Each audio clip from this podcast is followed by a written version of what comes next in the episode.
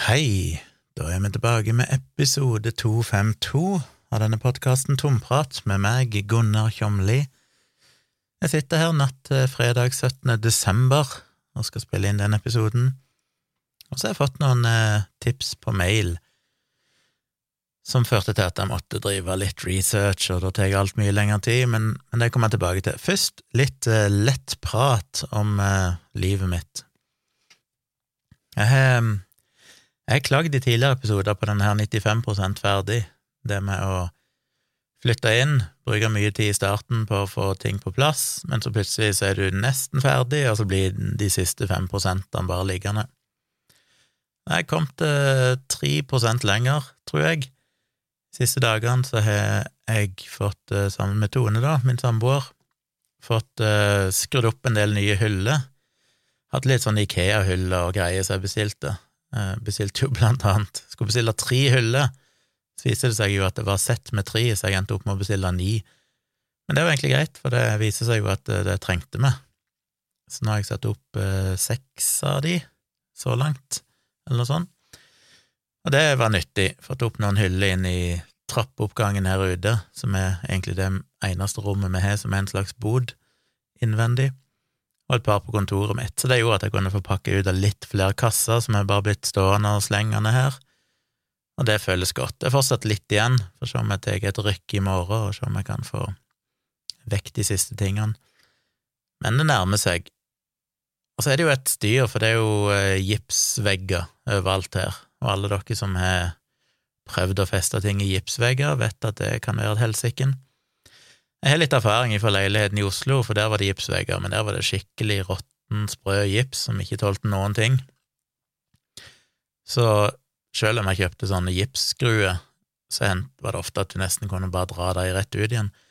Så etter å researcha litt på internett og sånn, så fant jeg ut at du finner sånne, jeg vet ikke hva du kaller de, men sånne spesialskruer med en sånn hylse, holdt jeg på å si, som du først borer et hull i gipsplata, og så banker du inn den hylsa, og så kan du enten skru skrua inn, og etter hvert som du skrur, så vil den begynne å dra mot seg den delen av, skru, av den hylsa som er på innsida og på baksida av gipsplata, sånn at den bøyer seg utover og blir et sånn anker. Eller du kan bruke et sånt spesialverktøy som du setter på forsida, så på en måte kniper du ut, drar ut skrua med den sånn at du ja, tvinger ut skruer, sånn at den hylsa på innsida blir, blir, bøyer seg utover, kan du si. Vanskelig å forklare, men det blir iallfall ganske så solid, for da sitter det Da blir denne hylsa til en T, holdt jeg på å si. Eh, hvis du kan se for deg det, en T som stikker inn i veggen, sånn at toppen av T-en, den tverrlinja, blir liggende på innsida av plata, og så stikker hylsa ut gjennom hullet, og så kan du skru skrua inn der. Så er det jo alltid fascinerende hvordan ting er priser. Eh, vi har jo en lokal monterbutikk her borte som er veldig trivelig og ganske bra utvalg. Og du kan jo kjøpe sånne forskjellige gipsskruer i forskjellige typer i sånne pakker, der det kan være alltid fra bare to i noen pakker til fem eller ti. Men de koster ganske mye. Skal du ha mange av de, så blir det dyrt. De kan fort koste 60-70 kroner for en pakke, og da skal du ha en del, så, så koster det. Men så så jeg jo at under der så lå det jo bunkevis med sånne kasser eller sånne esker med sånn 50 og 100 og 200 sånne, og det er sikkert mer sånn som håndverkere bruker. Kjøper de i bulk. Og det var jo helt latterlig mye billigere, sikkert sånn 10 av prisen da når du kjøper de eh, bare sånn i små pakninger, som vanlige folk kanskje gjør når de bare trenger et par. Så jeg endte opp med å kjøpe en eske med de, for det trengte jeg med 50 stykk for det er mange hyller som skal opp. Og de funker jo bra. Jeg må si det var kun én av de som er feila, og det er alltid kjipt når du har skrudd opp ei hylle som skal ha fire fester, fire skruer, og tre av de funker, og så kommer du til en fjerde, og så vil bare ikke den ta tak. Jeg vet ikke om jeg er et eller annet har skjedd på innsida der, men da er det litt vanskelig å få gjort noe med det, for da er du allerede plassert hylla der den skal være, og du har laga fire hull i veggen og den skulle stå helt inntil ei annen hylle, sånn vannrett på sida, for å lage ei dobbelthylle, så det var vanskelig å, å flytte den og lage nye hull og sånn, så det, det er noe dritt, det er det som er så irriterende når en driver med sånt greie som dette her. Det er alltid noe som feiler, alltid et eller annet sted noe går galt. Jeg føler hver gang jeg har gjort et eller annet arbeid her når jeg skulle skru opp et uh, speil inn på rommet til, til dattera mi, så lager jeg hullene, og så er det plutselig én av hullene som plutselig treffer et eller annet på baksida som jeg ikke ser logikken i, for jeg, jeg, klarer ikke å se at hvorfor i all verden skal det være en, en, eh, en planke på baksida der? Eh, den fulgte ikke noe mønster, det var helt usaklig, så, så måtte jeg bare flytte hele greia, så ble det plutselig et tonn med hull i veggen på rommet hennes som jeg ikke kunne bruke, så jeg måtte kjøpe en sånn sparkelgreie og drive og fylle inn dem igjen for at de skulle bli mest mulig diskré. Alltid noe kødd. Og det er så irriterende at det, ja, lager masse huller, så er det én av de som ikke funker, og så er det sånn shit, må jeg flytte hele greia og lage nye hull, og så sitter du igjen med masse hull i veggen. Det er irriterende at det ikke bare kan funke, ikke bare ting kan gå greit, men det gjør det ikke. Ellers tilbake igjen til denne brannslukkingsapparat-sagaen. Jeg, for dere som har fulgt med, vet at jeg kjøpte meg noen brannslukkingsapparat, kjøpte to sånne CO2-apparat og så ble jeg jo tipsa av noen, pluss at jeg hadde etter hvert begynt å skjønne det sjøl etter å ha lest litt mer, at de var ikke så godt egna i vanlige hus og hjem. Det er nok mer spesialutstyr for folk som trenger det kjekt da på et eh, serverrom eller et rom med mye elektronikk og sånn, for de er veldig bra til elektriske branner og sånn. Og småbranner og sånn, hvis det brenner i treverk eller stoff og sånn, så er de ikke veldig godt egna. Så etter mer som jeg la, så sto det at det er ingenting som erstatter Til og med skumapparat, som han der eh, ene duden som var her for å inspisere boligen, han mente jo at skumapparat var veldig kjekt. Men etter hvert som jeg leste på sånn brannvernside og sånn, så sa de at skumapparat er heller ikke så bra, fordi de varer kortere, og de har kortere holdbarhet, og det var egentlig ingenting som erstatta god gammeldags pulverapparat. Så jeg måtte rett og slett bort, bite i det sure eplet og kjøpe pulverapparat òg, så nå har jeg to av de, så nå er vi fire. Jeg har to CO2 og to pulverapparat. Heldigvis var de ikke så dyre, de kosta 400-500 kroner eller sånn per pulverapparat. Jeg fikk sånn medlemsrabatt. Kundemedlem. Kunde, kunderabatt. Nei, kundeklubb, heter det vel. Som jeg meldte meg inn i første gang jeg handla der, for å få noen rabatter på noen andre ting. Så da, da var det litt rabatt, så det, det hjalp. Men nå er vi plutselig veldig mye brannslukningsapparater i dette huset, så Og i tillegg til det så jo, var det jo ikke røykvarslere her. Det vil si, det var vel Det var vel to røykvarslere på to rom, men ikke i stua, ikke i gang, ikke i underetasjen, så det mangla på en måte i alle de store oppholdsrommene, eh, pluss at de apparatene som var der, var selvfølgelig ikke, virka jo ikke, for det var ikke batteri i de, men i tillegg så skal han vel bytte sånne røykvarslere minst hvert tiende år, fordi man kan ikke garantere at de virker mer enn ti år. Så dette huset ble bygd for ti år siden, så jeg regner med de sikkert stått der siden huset ble bygd, jeg tenkte det er vel lurt å bytte det uansett, da. Så jeg kjøpte jo, som jeg kanskje nevnte tidligere i gang, eh, et sånn sett med en sånn hub, og så to røykvarsler som fulgte med, og de kobles da til via wifi, og jeg kan da se de på mobilen min. Så jeg kan se status på de, og hvis en av de skulle gå av, så kan jeg se på mobilen hvilket rom det er i, og selv om jeg er litt usikker på om de er kobla sammen, da, så hvis én går av, om da alle går av. Jeg er litt usikker. Det finner vi ikke ut før det brenner. Så kan jeg teste de fra mobilappen, jeg kan trigge de fra mobilappen og sånn for å se at de virker, og kan se batteristatus og sånn. Så det var jo ganske kjekt. Selv om, som jeg nevnte i en tidligere episode, så er det jo et helvete å få kobla de opp. Fordi de støtter jo som regel bare sånn eldgammel wifi, så jeg må jo deaktivere alt av fancy wifi i nettverket mitt for å få connecta de. Men heldigvis så kan jeg skru på alt av fancy wifi etterpå igjen, og så virker det fortsatt. Men det er liksom akkurat når de skal finne hverandre, så må de tilbake til sånn god gammeldags 802,11 eh, C, er det dette? Den eldste Nei, A? A er det kanskje. Husker ikke helt. Men sånn som wifi 6, eller 802,11 AC, er det ikke det? Er det ikke det som er wifi 6? Noe sånn. Alt sånn, pluss diverse andre greier. Jeg har jo sånn Mesh-nettverk med flere ruter i forskjellige etasjer som kommuniserer sammen, og på flere forskjellige bånd, eh, både 2,4 GHz og 5 GHz. Alt det må bare skrus av, så de bare går tilbake til et enkelt 2,4 GHz-bånd, og så kan jeg få connecta de. Men jeg fikk det jo online til slutt. Men eh, så jeg satte jo en opp i stua, og der er det jo hva det jeg kom fram til, fire og en halv meter under taket, så vi måtte jo kjøpe denne berømte trappe, gardintrappa høye jævelen, og få klatra helt opp der og få festa den. Og så festa jeg en i gangen og en i underetasjen. Jeg hadde tre av de, sånn var det. Men så fant jeg ut at jeg burde jo egentlig ha på soverommene òg. Burde et på soverommet til dattera mi og et på vårt eget soverom, så jeg måtte kjøpe to til av de. Så nå er det fem røykvarslere som alle er kobla i nettverk. Så jeg føler vi skal være ganske godt rusta. Fem røykvarslere og, eh, og fire brannslukningsapparat. da begynner det å, begynner å hjelpe, håper. Nå gjelder det jo bare å være forsiktig med disse levende lysene. Tone er jo veldig glad i å ha stearinlys. Nesten hver kveld så tenner hun opp noen, noen telys rundt forbi i stua, for det liker hun å ha på. Og det er jo for så vidt trygt, de står jo i, i glass og skal veldig mye til for at det skulle kunne gå galt, men allikevel er jeg alltid litt noia for alt som er levende ild, jeg. Åpen ild. Levende ild, heter det det? Ja, så så brann det er liksom bare noe av det verste jeg kan tenke meg, så jeg vil helst være godt rusta.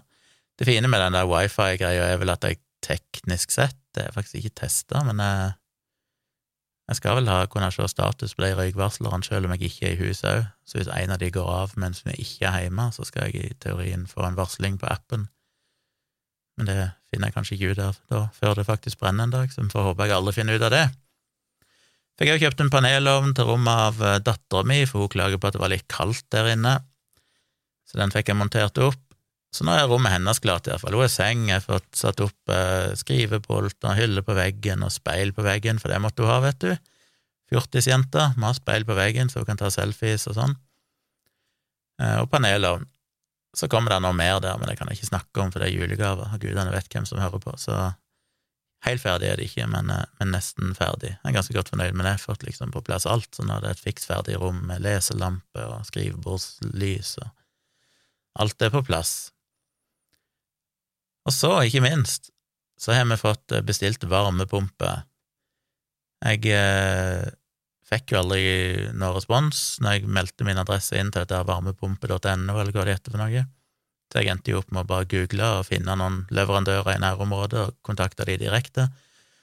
Og så var det jo egentlig førstemann til mølla, og det var jo egentlig den jeg håpte det skulle være, for det er et sånn elektronikkselskap i nærheten her som har butikk og alt mulig.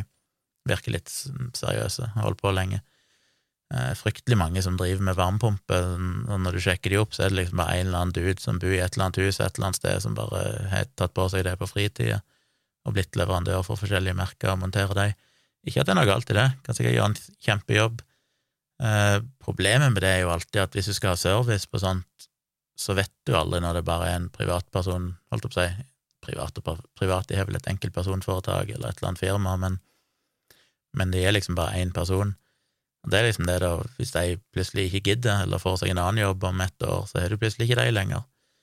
Så jeg liker jo å støtte opp om sånne små lokale bedrifter, for jeg er jo sjøl, jeg jo, driver jo sjøl en liten lokal bedrift. Men eh, vi har tross alt holdt på i 20 år og er flere ansatte og sånn. Når det er bare én person som, som, har en hjemmeadresse som liksom kontoradressen, og så er det litt, litt sånn shady, kanskje. Så jeg syns det var greit å ta et skikkelig firma, ettersom dette er noe som skal leve lenge, og du mest sannsynlig vil trenge service på det en gang i framtida. Så vi endte opp med å finne ei varmepumpe som passer oss, og den skulle installeres eh, i romhjulet. Skulle han komme innom og få gjort det. Så det blir bra.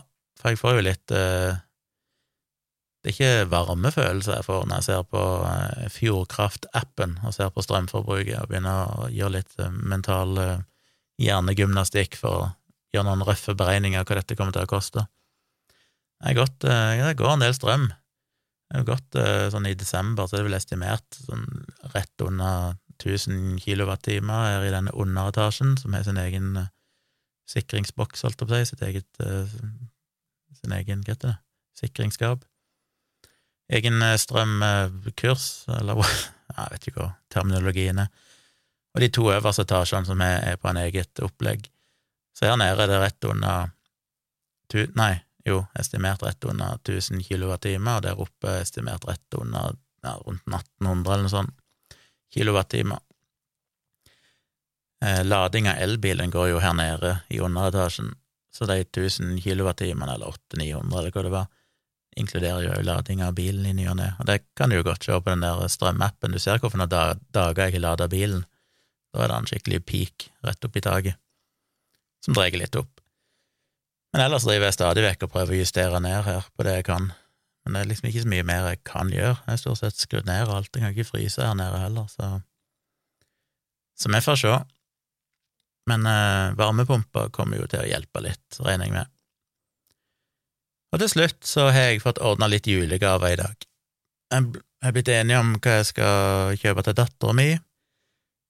Eh, og så har jeg sendt penger av gårde til For dere som har fulgt med lenge, så vet dere jo at jeg ikke er noen fan av julegaver. Eller jul, for den saks skyld. Men jeg skal kjøpe gave til Tone, min samboer, og jeg kjøper gave til min datter.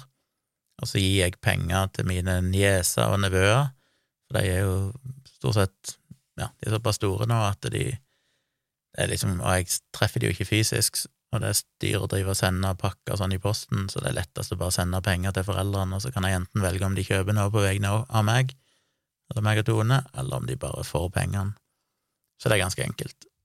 Men det føles jo, det, det, det eksemplifiserer jo på mange måter absurditeten i jul, når jeg får en, en vips ifra bror min med sånn 'Her er penger til, til gave til Maja', og så sender jeg penger tilbake, så er det basically går det i null. det blir en sånn symbolsk utveksling av penger fram og tilbake som egentlig går i null til slutt. Eh, så når jeg fikk den ene av broren min, så tenkte jeg jeg kan jo sende tilbake nå, men jeg kan jo ikke gjøre det nå. For gjør jeg det nå, så, så blir det jo bare så absurd, så jeg måtte liksom la det gå noen dager før jeg sendte tilbake igjen, så ikke det ble for åpenbart at dette her egentlig er bare symbolsk. Men ja, så jeg har fått eh, ordna gave til dattera mi, og det bestilte jeg på nettet med sånn klikk og hent, så i morgen skal jeg gå og hente det. Og så eh, igjen skal jeg ikke snakke for mye her om gaver, for jeg vet ikke helt hvem som hører på i familien, men skal jo kjøpe en annen, en annen greie, som er en litt en gave som ikke normalt ville gitt, men, eh, som jeg og Tone er blitt enige om å gi til noen, av ulike årsaker. Og så må jeg få kjøpt noe til Tone. Så det er egentlig bare Tone jeg ikke vet hva jeg skal kjøpe noe til ennå. Og det må jeg få gjort, for jeg fikk jo helt panikk når jeg så at shit, helgen nå er jo siste helga før jul. Det er jo tid går fortere enn jeg tror. Jeg tenker alltid at det er en stund til jul ennå, men uh, det er det jo ikke.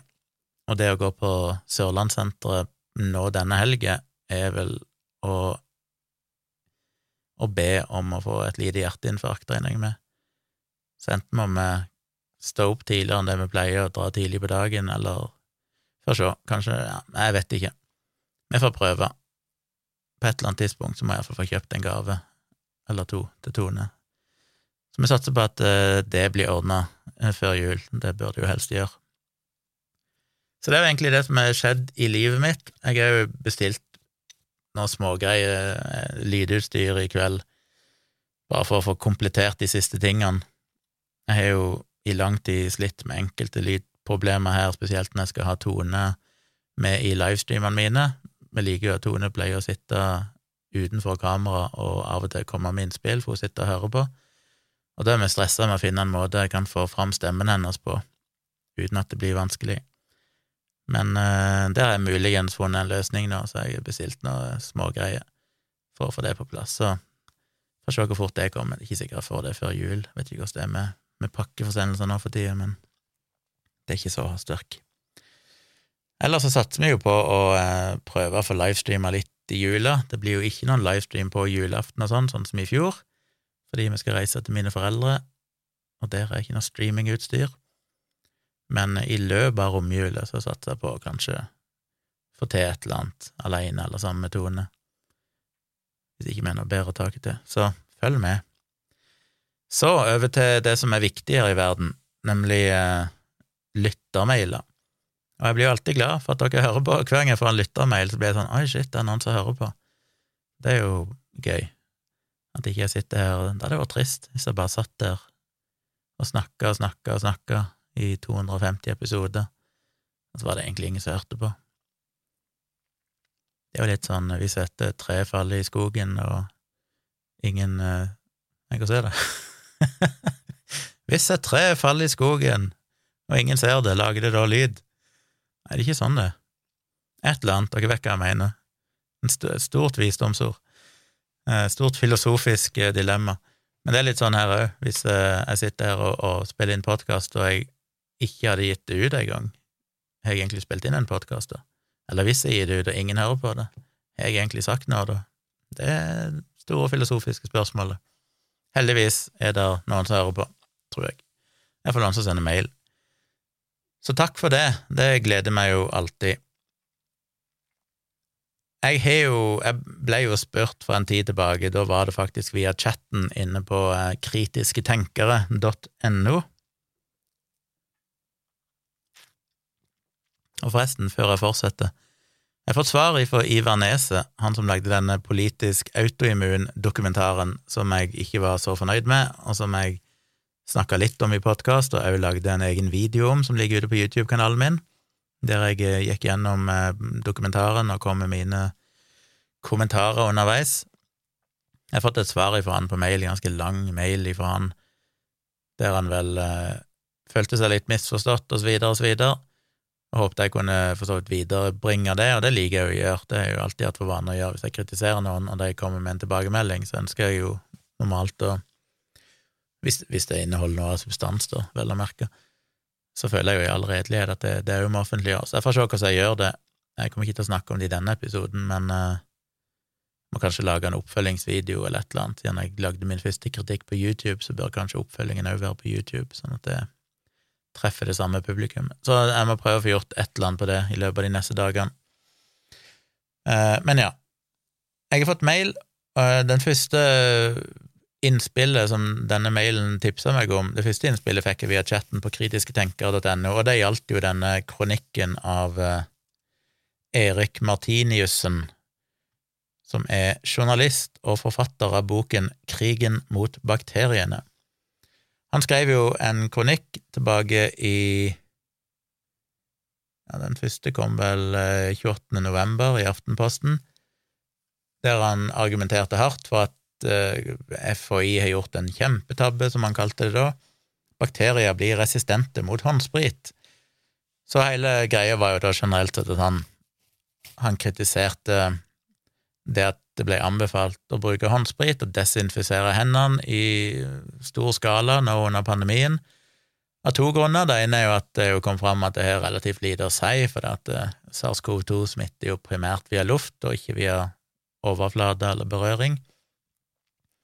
Men òg fordi at han mener det er mer og mer forskning som peker i retning av at alt ifra alkoholbasert håndsprit til andre kjemikalier som skal drepe bakterier og virus, eh, fører til at bakterier kan bli resistente, og at dermed så, så er det et problem. Og resist, eh, altså antibiotikaresistens, er at bakterier blir resistente mot antibiotika, og for så vidt òg da håndsprit etter hvert, er jo et massivt problem. Altså det med håndsprit vet vi ikke om er et problem, det er jo det jeg skal snakke om, men det med antibiotikaresistens er jo et massivt problem. Det er jo en av de største helsetruslene vi har, ifølge Verdens helseorganisasjon. Så problemstillingen er jo reell. Spørsmålet er jo er det hold i hans påstander at det å desinfisere hendene faktisk eh, kan føre til resistens, og kan egentlig gjøre vondt verre. Så det første tipset fikk jeg via kritisketenkere.no. Kikka litt på det, men jeg tenkte jeg, følte ikke helt for at jeg hadde så mye å tilføre, egentlig, å si. Men så kom jo plutselig Folkehelseinstituttet med et tilsvar, der de mente at han tok helt feil, kort og greit. Og da tenkte jeg ja, ok, men da er det jo like greit jeg ikke sa noe om det, fordi da har Folkehelseinstituttet ryddet opp i det. Men så kom jo han med et nytt tilsvar igjen nå for noen dager siden, der han fortsetter å mene at FHI ja, han, han stoler ikke på svaret deres og mener at dette er et eh, større problem enn det de vil vedkjenne seg. Så da har jeg over tid da fått flere tips der folk sier ei, kan du se på dette? ei, kan du se på dette? Hva mener du om dette?' Og etter hvert som dette da utarta seg til å bli en eh, kronikkserie, og såpass mange ba meg se på det, så tenkte jeg ok, la meg se på det, da. Og det er jo det som er så farlig, for det at uh, sånt tar tid. Jeg syns jo det er veldig hyggelig at folk spør, og jeg har jo lyst til å snakke om det, men, men en, en graver seg jo, eller en havner jo fort ned i en sånn rabbit hole der du bare ja, du kan jo bruke uendelig med tid på å sitte og researche og lese forskning, og så er det mye som går over hodet på meg, og så må jeg lese det ti ganger før jeg til slutt skjønner hva de egentlig prøver å si, og google ting for å finne ut hva det dette ordet, hva dette begrepet betyr, og gradvis prøve å liksom pusle sammen hva det greia her er. Så jeg skal prøve å gi en sikkert en usystematisk og uryddig fremstilling, men jeg skal bare adressere noen ting. Skal vi se Jeg kan jo, ja, dette blir litt sånn eh, ikke kronologisk, men jeg må bare ta noen av poengene, så håper dere sitter igjen og, og blir litt klokere. Eh, han hevder jo blant annet at eh, Folkehelseinstituttet anbefaler alkoholbasert hånddesinfeksjonsmiddel, og det gjør de jo på sine nettsider, det er det han henviser til, at de skriver sånn spesifikt mot covid-19 at de anbefaler god håndhygiene. Men så påpeker han at dette kan være nyttig hos helsepersonell, for de får jo opplæring i hvordan de skal bruke det, hvor lenge, hvor mye de skal bruke, hvor lenge det skal virke, og alt mulig sånn, mens folk flest bruker det sikkert feil, og spesielt kanskje barn, da, hvis barn i barnehage og skole og sånn skal liksom sprite hendene sine hele tida, men egentlig ikke bruker det på riktig måte, så kan det være et problem. Men da er det jo interessant å se hva Folkehelseinstituttet faktisk skriver der han lenker til den. De sier jo ikke bare 'kjør på med håndsprit', det er topp. Eh, det de sier, er jo at sårbar såpe og vann er absolutt å foretrekke. Det er liksom det første. Bruk og vann når du kan. Men det er ikke i alle situasjoner du har muligheten til å bruke og vann, og da kan alkoholbasert hånddesinfeksjon være en, et effektivt tiltak, en god erstatning. Og det de skriver, da, ordrett for å lese noe av det de har på sidene sine, så skriver de alkoholbasert hånddesinfeksjon har redusert effekt i mange av situasjonene hvor det er behov for håndhygiene, som når hendene er våte, synlig skitne eller tilgriset med organisk materiale som matrester og kroppsvæsker. Så allerede der så sier de jo at dette er jo ikke så bra som såpevann, og det er definitivt eh, problematisk hvis du ikke har rene hender og alt mulig sånn. De fortsetter, man har også begrenset erfaring med utbredt bruk av hånddesinfeksjon blant barn og unge. Håndvask med såpe og vann er derfor anbefalt metode utenfor helsetjenesten. Så de sier jo egentlig det som eh, det samme som eh, Martiniussen sier, at i helsetjenesten så er det helt topp med alkoholbasert hånddesinfeksjon. Utenfor helsetjenesten så er ikke det egentlig anbefalt metode, så Folkehelseinstituttet anbefaler jo ikke, de bare sier at du kan bruke det hvis ikke du har noen annen måte å gjøre det på.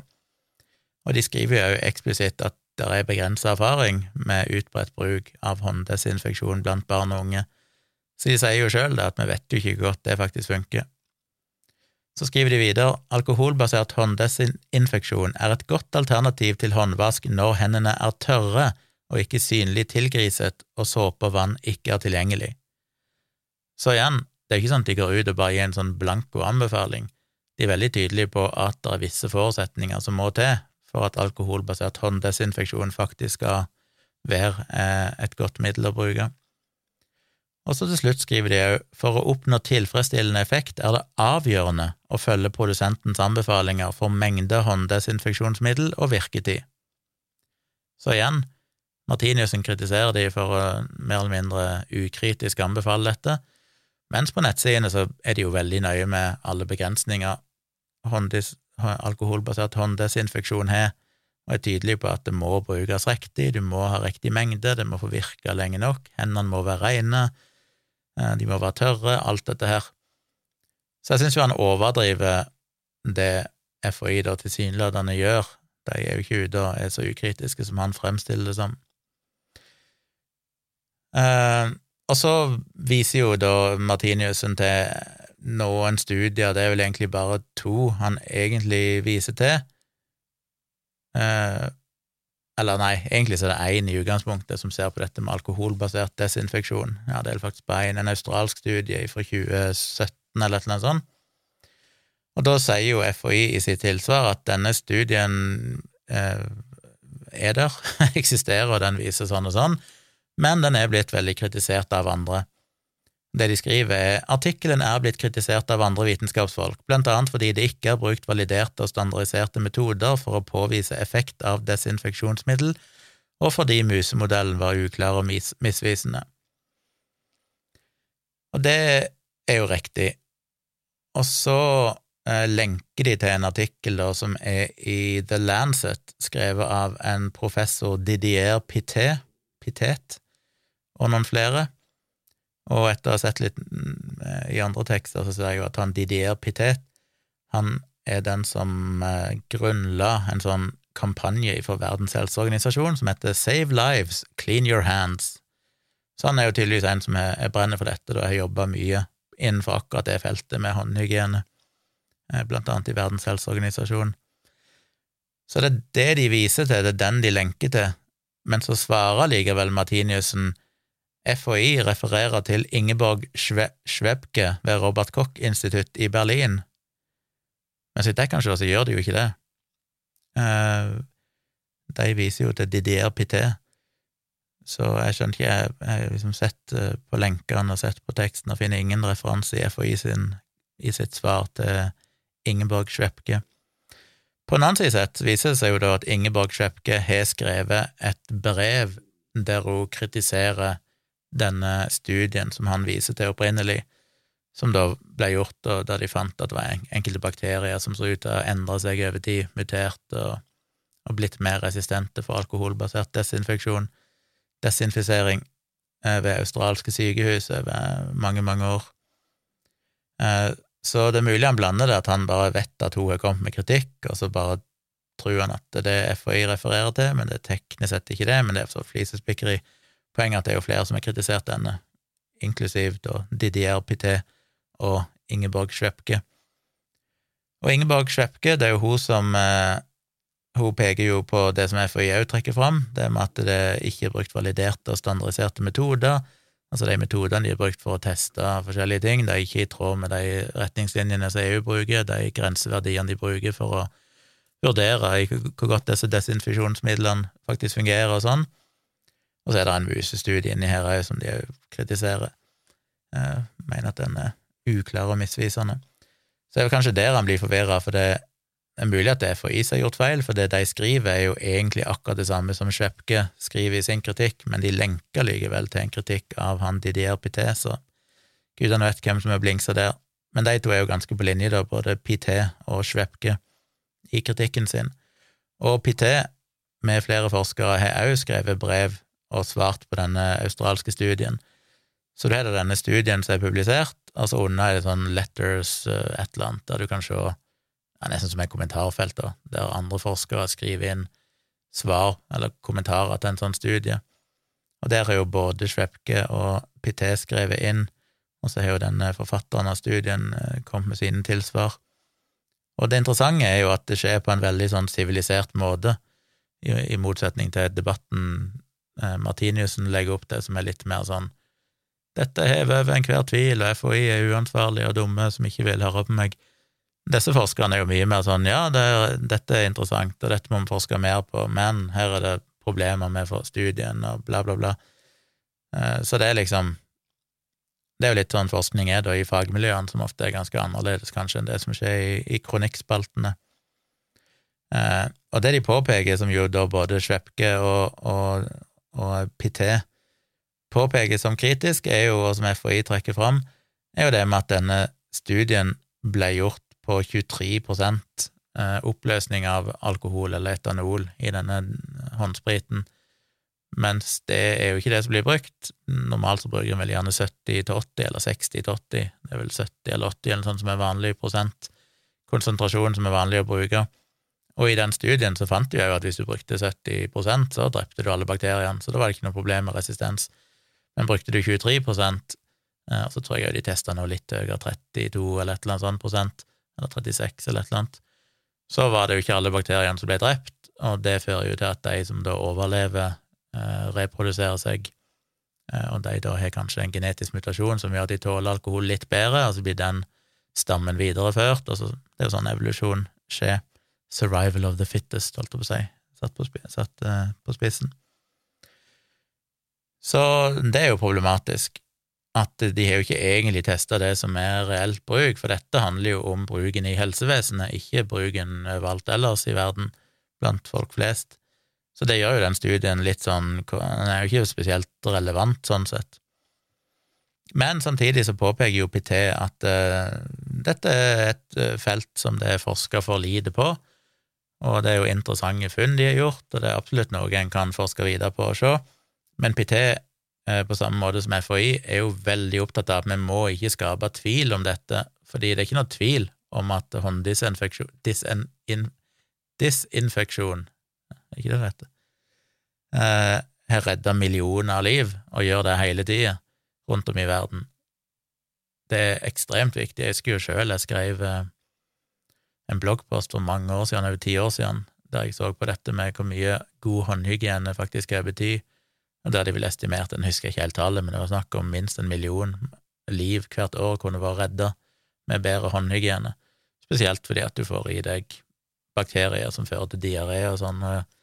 I den vestlige verden så er ikke det det største problemet nødvendigvis, men i, i utviklingsland så er jo diaré noe som er, er, svært alvorlig og dødelig. Eh, så, så det å bare vaske hendene godt er veldig viktig.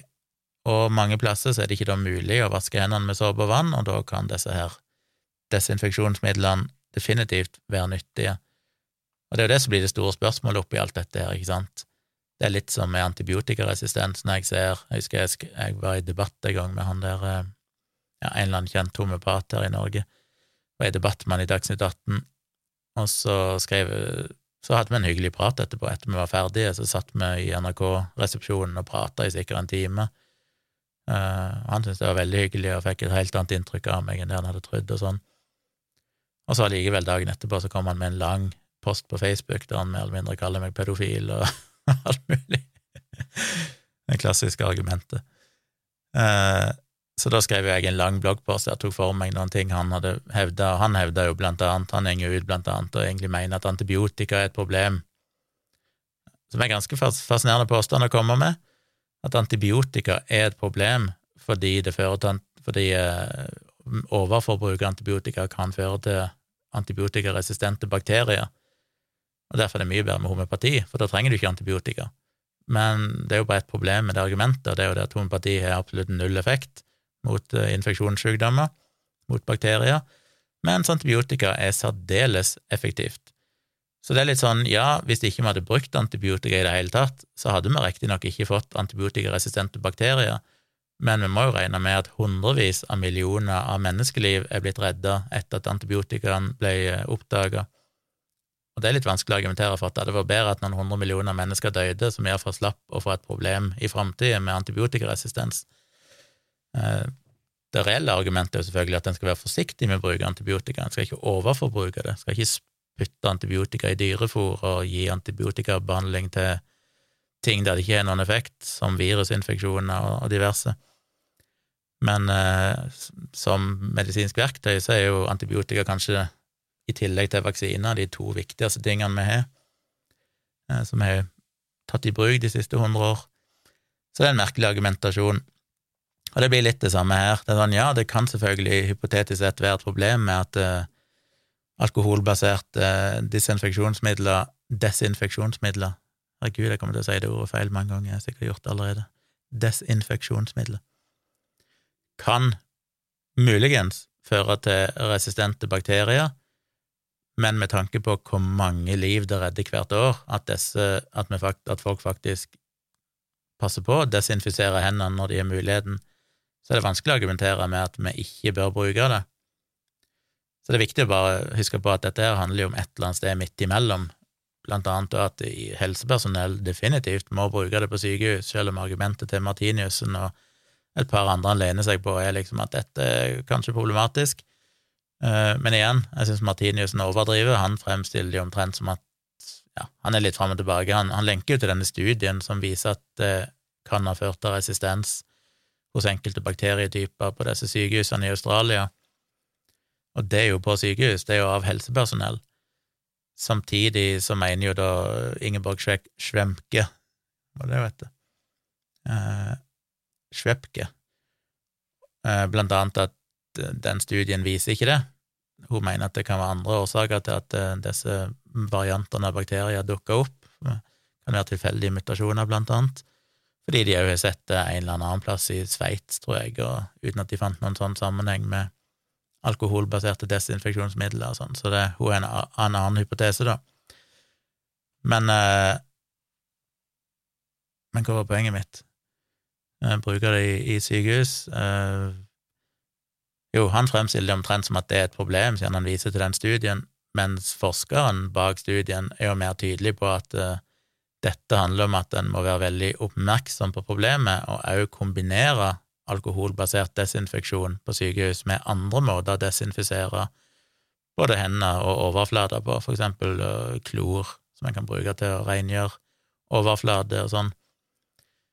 Så jeg, jeg, føler at debatten er litt rar, fordi at den studien han viser til, og den forskeren han primært lener seg til, han sier jo ikke at en ikke skal bruke det. Det blir jo brukt riktig på sykehus, i, i all hovedsak, vil jeg anta, og eh, jeg skal bare være klar over at en kanskje må kombinere det med andre ting. Men så er jo spørsmålet her, da, folk flest ute i verden, bør vi bruke det?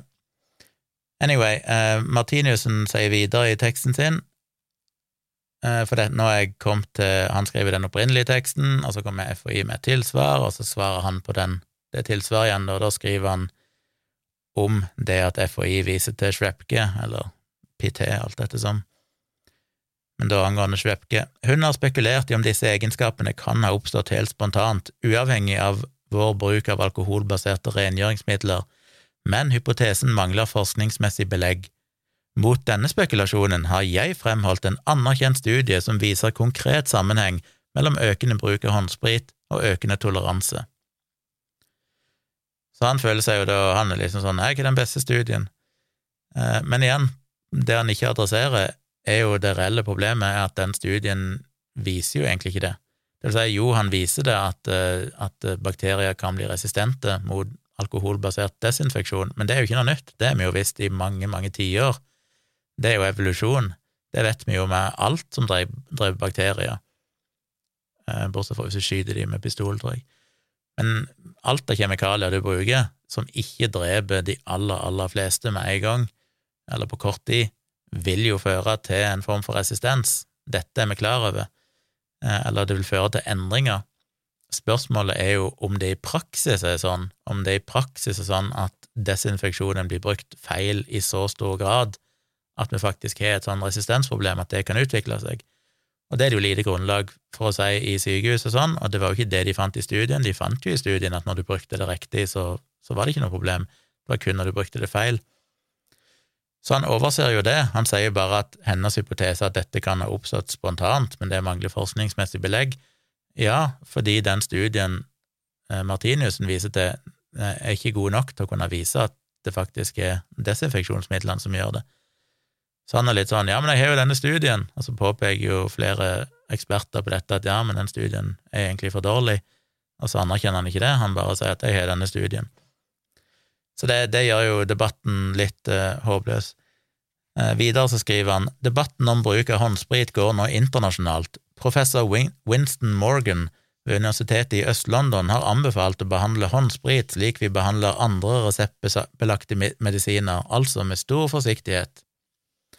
Så klikker jeg på kilden han viser til der, leser artikkelen, som vel egentlig bare er en avisartikkel eller uh, og da ser jeg hvilke kilder baserer Winston Morgan seg på. Jo, det er den australske studien.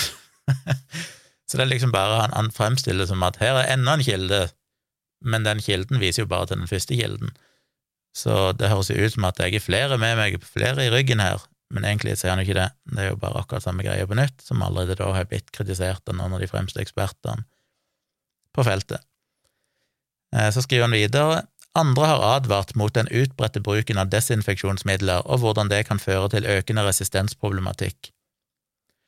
Og igjen så lenker han vel til en eller annen kilde, og der viser de jo egentlig bare til de samme studiene igjen, inklusiv den australske studien, men det de skriver i artikkelen, er jo ikke at noen ting er bevist. Det handler jo egentlig bare om det samme som Martiniussen, at dette kan være et problem, dette må vi forske videre på, dette Ja, her vet vi ikke nok. Eh, vi trenger mer oppmerksomhet rundt problemet, og vi trenger mer forskning. Men han lenker til det som om dette er atter en eller annen kilde som beviser at at eh, disse desinfeksjonsmidlene faktisk fører til resistens, men så viser jo ikke artiklene det. De adresserer bare problemet og sier at vi trenger mer kunnskap. Videre så skriver han en amerikansk studie fra mars i år viste at flere typer håndsprit ikke har tilstrekkelig effekt til å drepe bakteriene. Eh, så leste jeg den studien, og det er helt riktig, de testa noen titalls eh, vanlige typer håndsprit som du får kjøpt i butikker sånn i USA, og fant at det var ganske varierende i hvilken grad de virka. Mange av de virka godt, for de hadde nok eh, alkohol, for eksempel, i seg. Eh, Andre virka ikke så godt, og det varierte litt fra bakterietype til bakterietype. Denne artikkelen han viser til der, sier jo ingenting om resistens, den nevner ikke ordet resistens, tror jeg, men han, han sier bare det at eh, vi bør kanskje ha bedre standarder for hva vi tillater i salg rundt dette her, eh, og når de skal vurdere om disse tingene virker, disse desinfeksjonsmidlene virker, så må de kanskje teste det mot flere typer bakterier, for det er forskjellige typer bakterier reagerer ulikt på forskjellige kjemikalier. Så igjen, ja, det er interessant, selvfølgelig, og det er helt greit at han lenker til han, men det, det er jo ikke noe kilde som støtter opp om hans påstand. Eh, den sier bare at ikke alle typer håndsprit er like bra, men den sier ingenting om det, faktisk. Altså, den artikkelen sier ingenting om det faktisk da kan lede til resistensproblematikk. Så igjen så er det ikke noe dokumentasjon han viser til, han viser bare til atter en artikkel som underbygger poenget med at dette bør vi nok forske mer på, dette kan vi kanskje for lite om. Videre så skriver han når vi samtidig vet at håndsprit i svært liten grad beskytter oss mot koronaviruset, er det vanskelig å forstå hvorfor FHI fortsatt anbefaler vanlige folk å bruke det. Ønsker FHI at vi fortsetter å sprite hendene våre også etter pandemien? I sitt tilsvar til meg viser FHI til at håndsprit også er effektivt for å hindre spredning av influensa. Det tyder på at FHI mener dagens utbredte håndspritbruk samlet sett er positiv. Hvordan henger dette så sammen med uttalelsen om at FHI tar problematikken rundt manglende effekt av desinfeksjonsmidler på alvor? Det skjønner han ikke, det er liksom mot konklusjonen hans. Eh, og det FHI sier, er at eh, de, syns, de anerkjenner det at i starten av pandemien så visste vi ikke helt hvordan SARS-CoV-2 var, så da ble det jo anbefalt håndsprit. Eh, etter hvert har vi jo funnet ut at det med, med kontaktoverføring ikke er så viktig, det er mest luftsmitte.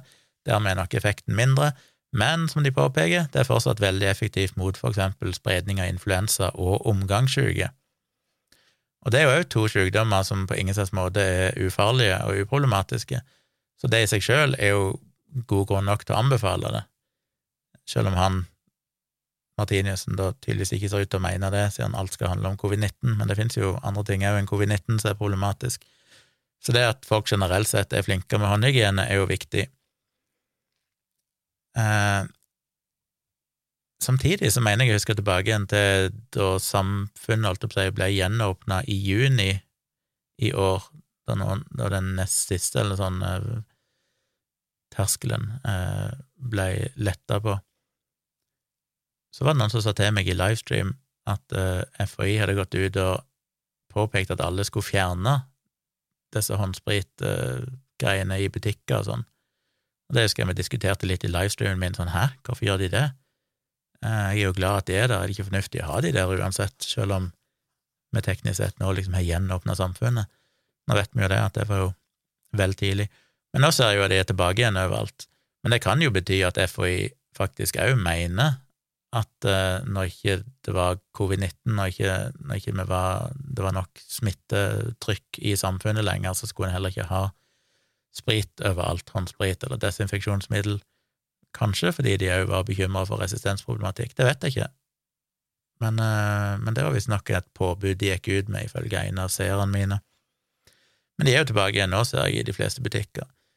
Og bare som en liten bisetning, irrelevant til det jeg snakker om, så ser jeg jo òg nå at det ufattelig mange butikker nå har jo munnbind tilgjengelig gratis. Det fantes jo ikke tidligere, og det etterlyser jeg alltid. Liksom, hvorfor i all verden er det ikke bare munnbind gratis overalt? Så slipper vi dette problemet med at folk sier at de ikke har råd til det, eller de glemte det, eller Det bør jo bare være tilgjengelig, det er jo noe som en skulle tro at staten hadde noe igjen for. Men nå ser jeg jo at det er veldig mange plasser så står det bare sånn dispensere med munnbind ved inngangen, så du kan bare ta et. Og det er syns jeg er veldig bra. Anyway, um, ja, jeg syns jo det, sånn sett det er viktig. Uh, det jeg tror FHI mener hvis jeg skal Jeg skal ta et par ting til etterpå, men bare for liksom foregripe konklusjonen her Det jeg tipper er greia med FHI, er jo det som jeg har vært innom en del ganger tidligere, dette med at de vil aldri uttale seg om noe som de ikke kan føle seg veldig sikre på at det er forskningsmessig belegg for. Og jeg tipper at det er samme greia her. Sånn utad så Altså innad så er jeg helt sikker på at FHI er veldig klar over potensialet med at dette kan kanskje være et problem med tanke på resistens, men det er ikke god nok dokumentasjon på det ennå. Så du må på den ene sida veie det at vi vet at det faktisk virker effektivt mot, eh, for å drepe virus og bakterier, og det vil beskytte dere litt mot covid-19, men òg mye mot influensa og omgangssyke. På den andre sida så kan det være resistensproblematikk, men der har vi ikke noe god dokumentasjon ennå. Så du har god dokumentasjon på at det faktisk virker beskyttende for folk mot disse virusene og bakteriene, men det er ikke god nok dokumentasjon på at det samtidig kan være ei minusside med potensiell resistens. Og dermed så må FHI gå ut og si klart og tydelig fortsatt at vi anbefaler dette til å desinfisere hendene. Men igjen, da, med alle de forbeholdene de har på nettsidene sine om at hendene skal være tørre, de skal være rene, skal kun brukes hvis ikke du kan bruke såpe og vann, alt dette her, det må brukes riktig, riktig mengde, riktig varighet og sånn. Så jeg tror det er det dette koker ned til, den der evinnelige debatten mellom hva er det egentlig Hva er det indisia i forskningen viser, hva er det ting peker i retning av, som kanskje kan vise seg å være sant, og hva er det offentlige helsemyndigheter faktisk kan gå ut og si. Og de er jo veldig konservative, veldig forsiktige i FHI med å si noen ting som helst som det ikke er liksom veldig, veldig godt belegg for. Det, det, det er jo ofte en god ting, men jeg har jo kritisert, for de, kritisert de for det sjøl opp gjennom pandemien, for det når du er i en pandemisituasjon, så bør en kanskje ta noen sjanser, holdt på å si, være litt raskere ute. Vi har jo sett det både med anbefaling av munnbind, dette med at, eh, at håndhygiene kanskje ikke er så viktig allikevel, og sånn, der har jo FHI vært veldig seine. De har venta lenge før de har gått ut og sagt de tingene. Og det er vanskelig å vurdere, for selvfølgelig er det dumt at de skulle si noe galt, overilt, for det kan slå tilbake på de. Så jeg skjønner jo at de vil være konservative og nøkterne og liksom holde igjen. Samtidig så, når du er i en pandemi, så skjer ting veldig fort. Folk dør. Eh, kanskje en må Kanskje en må tåle å ikke være så robuste, liksom, i en sånn situasjon, eller tåle å trø litt feil, hvis det fins en sånn god nok, holdt jeg på å si, mengde evidens for at en anbefaling kan være fornuftig. Så det, jeg tror nok det er mye der problemet ligger. Så jeg tror nok Martiniussen ville ha sett at hvis han hadde besøkt FHI og snakka med folk der, så hadde han sikkert opplevd at de sikkert var mer enige med han enn det han opplevde som. Men når de går ut offentlig, så kan ikke de stille tvil rundt dette med, med hvor viktig det er med håndhygiene, og de vil ikke skape et inntrykk av at folk bare må slutte med det nå, at ikke lenger folk skal sprite hendene på butikker rundt forbi, fordi tross alt så er det veldig effektivt for å beskytte dere om ikke så mye mot covid-19, så iallfall mot andre smittsomme sykdommer, som òg tar liv og er en stor byrde på helsevesenet. Så jeg tror det er mye der. For å gå litt tilbake igjen til hans opprinnelige artikkel, hans første kronikk, kronikk eh, bare for å vise at han er litt sånn tendensiøs i utvalget av kilder, så skriver han jo da i den første det er tidligere vist at flere antimikrobielle produkter kan gjøre bakteriene resistente mot antibiotika og så lenker han da til en studie, og den studien tar egentlig bare for seg triklosan, og triklosan er jo noe som blir brukt i forskjellige produkter, men det er jo veldig strengt regulert etter hvert. Den siste regelendringen jeg fant, var fra 2014, jeg er litt usikker på om det skjedde noe siden da, men da kunne jeg lese at uh, regelendringen begrenser bruken av triklosan til 0,3% i tannkrem, og så vidt jeg vet, så er det bare én tannkrem i Norge som inneholder triklosan, en eller annen Colgate-tannkrem. Det gjorde han iallfall da, det er mulig at de òg har fjerna det, så jeg er ikke helt sikker på om det finnes i noen tannkrem lenger, muligens i én. Eh, håndsåpe, dusjsåpe, deodorant, pudder, concealer og negleprodukter ment til å rense neglene før festing av kunstig negl. I tillegg tillates 0,2% triklosan i munnskyllevann. Triklosan vil være forbudt i kosmetiske produkter som ikke er nevnt ovenfor. Så det er altså relativt begrensa hva det er i bruk, og i EU og Norge, da, eh, og i Norden spesielt, så er det veldig lite produkter med triklosan, så vidt jeg har skjønt. Vi har vært ganske strenge på det, det har vært mye medieoppslag om det, at det kan føre til resistens. Uh, og det, det, gjør at mange leverandører, mange produsenter, har liksom tatt det ut av produktene sine. Så ja, teknisk sett så er, så er, det noe som tyder på at triklosan kan være problematisk, men det er ikke veldig utbredt, så vidt jeg har skjønt lenger, og en er veldig klar over det, og helsemyndighetene, Mattilsynet, jobber jo med å faktisk få det helt ut, og egentlig få forbudt det. De jobber jo mot EU, blant annet, for å få EU til å stramme inn dette enda mer. Så dette er jo noe norske helsemyndigheter er veldig klar over, og derfor er det jo Derfor er nok det, neppe det noe veldig stort problem. Eh, men han skriver altså det har tidligere vist at flere antimikrobielle produkter kan gjøre bakteriene resistente mot antibiotika, men det er jo primært triklosan denne studien han lenker til, faktisk viser til. Eh, og i den studien, som da er gjennomført av en eh, forsker som heter Stuart Levy, og han er jo liksom vært foregangsfiguren for dette med, med den resistensproblematikken der. Han mener jo han fant denne sammenhengen mellom triklosan og, og resistens eh, tilbake i en studie i 1998 og igjen i 2001, men det som Martiniussen ikke nevner, er jo at i 2004 så var Levi sjøl med i en eh, Hva var det, var det en, en metaanalyse? Iallfall en eller annen forskningsartikkel som fant at eh, når de da gikk gjennom og faktisk sjekka dette i praksis, så klarte de ikke å finne at triklosan førte til noen resistensproblematikk, iallfall på kort sikt. Da tror jeg de målte over et år eller noe sånt. Eh, men det må kanskje forskes mer på lang sikt. Men det burde han jo kanskje nevnt, da, at denne forskeren som han da egentlig bruker som sin eneste viktige kilde i den sammenhengen, har faktisk sjøl anerkjent at det ikke ser ut til å egentlig være et problem i virkeligheten, i praktisk bruk, når de ser på bruken av disse produktene blant folk. Så det, det er jo sånn som alltid gjør at jeg blir litt skeptisk til kildebruken, når de åpenbart cherrypicker forskningen til å passe deres argumenter. I samme studie så nevner de jo et par andre ting enn triklosan. De nevner blant annet eh, bensal, bensalkoniumklorid, og Martiniussen skriver det er også vist at bensalkoniumklorid, et desinfiseringsprodukt som har vært mye brukt i helsevesenet, selekterer bakterier for resistens mot antibiotika. Og han har rett i det, at en del studier viser det, eh, men der kan en òg lese eh, at eh, da pandemien kom til verden, så gikk jo amerikanske CDC ut og først så sa de, for da var det litt problemer i starten med at det var vanskelig å få tak på etanolbasert, altså alkoholbasert desinfeksjonsmiddel.